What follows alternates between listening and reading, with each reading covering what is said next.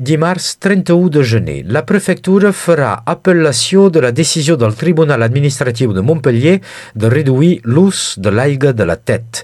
És una bona notícia, sobretot per la pagesia, que va convocar una manifestació la setmana passada. Això dit, el procés d'apel·lació no és pas suspensiu i, per tant, la decisió del Tribunal Administratiu s'ha d'aplicar tal qual fins a la celebració d'un segon judici que no es faria pas abans de l'estiu 2024. Recordem que després d'una queixa de l'entitat ecologista France Nature al novembre passat, el Tribunal Administratiu de Montpellier va anul·lar la derogació que permetia als agricultors del Conflent i del Riberal d'agafar l'aigua de la tet fins i tot quan el seu cabal és molt fluix.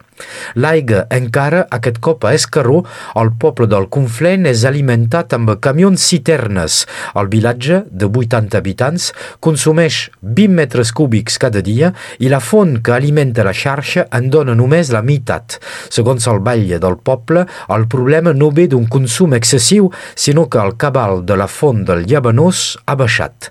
La manca d'aigua s'explica també pel mal estat de la xarxa de distribució per on la meitat de l'aigua se perd. Coll Lliure posa en dubte les dades demogràfiques de l'INSEE i demana un recompte. El batlle Guy Llobet admet que Coll Lliure perd habitants, però segons ell no hi ha 2.400 habitants tal com ho certifica l'Institut francès d'Estadístiques. De fet, si la població colliurenca passa per sota dels 2.500 habitants, el municipi deixarà de cobrar 80.000 euros del fons de dotació de l'Estat, una suma conseqüent per la qual el batlle demana doncs una verificació. Blanca Serra rebrà el Premi Especial del Jurat a la desena edició dels Premis Martí Gasull i Roig. El jurat recompensa la tasca de la filòloga i la seva implicació en la defensa del català des dels anys 60. L'ONG del català, la Plataforma per la Llengua, tancarà aquest diumenge el període de votació per decidir qui guanyarà enguany el Premi Martí Gasull i Roig. Recordem que els tres finalistes són el diari digital VilaWeb, la plataforma audiovisual Filmincat i l'associació nord-catalana La Bressola. La gala de lliurament dels premis se farà el 20 de febrer al Palau de la Música Catalana i en directe al canal de YouTube. A Barcelona encara, l'empresa Microsoft anuncia la creació de 100 llocs de treball al Centre d'Intel·ligència Artificial de la capital catalana. Una informació que arriba a contracorrent, quan Microsoft ja ha anunciat que acomiadarà el 5% dels seus efectius. Alberto Granados, president de la multinacional a l'estat espanyol, ha declarat que l'empresa apostaria per projectes innovadors i que, en aquest sentit, Microsoft vol fer de Barcelona un siti major a Europa.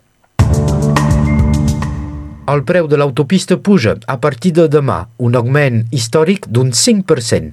Mai el preu dels peatges havia augmentat tant des que les autopistes van ser privatitzades el 2006. Aquesta pujada intervé pocs dies després que el diari El Canard Enchené hagi fet públic un informe de l'Inspecció de les Finances que apuntava els grans beneficis de les concessions d'autopistes i preconitzava de baixar les tarifes de peatge del 60%, un informe que, segons el Canard Enchené, va ser enterrat pel ministre francès d'Economia Bruno Le Maire.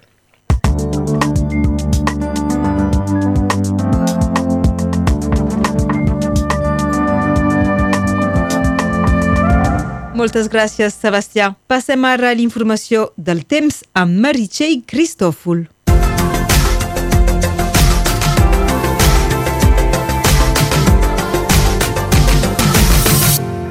Bon dia.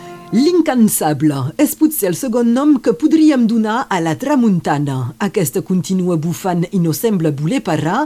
Les ràfegues màximes previstes per avui són de 60 km per hora a la plana del Rosselló, molt poc núvols per no dir cap. Avui i els pròxims dies hauríem de tenir un temps bastant assolellat.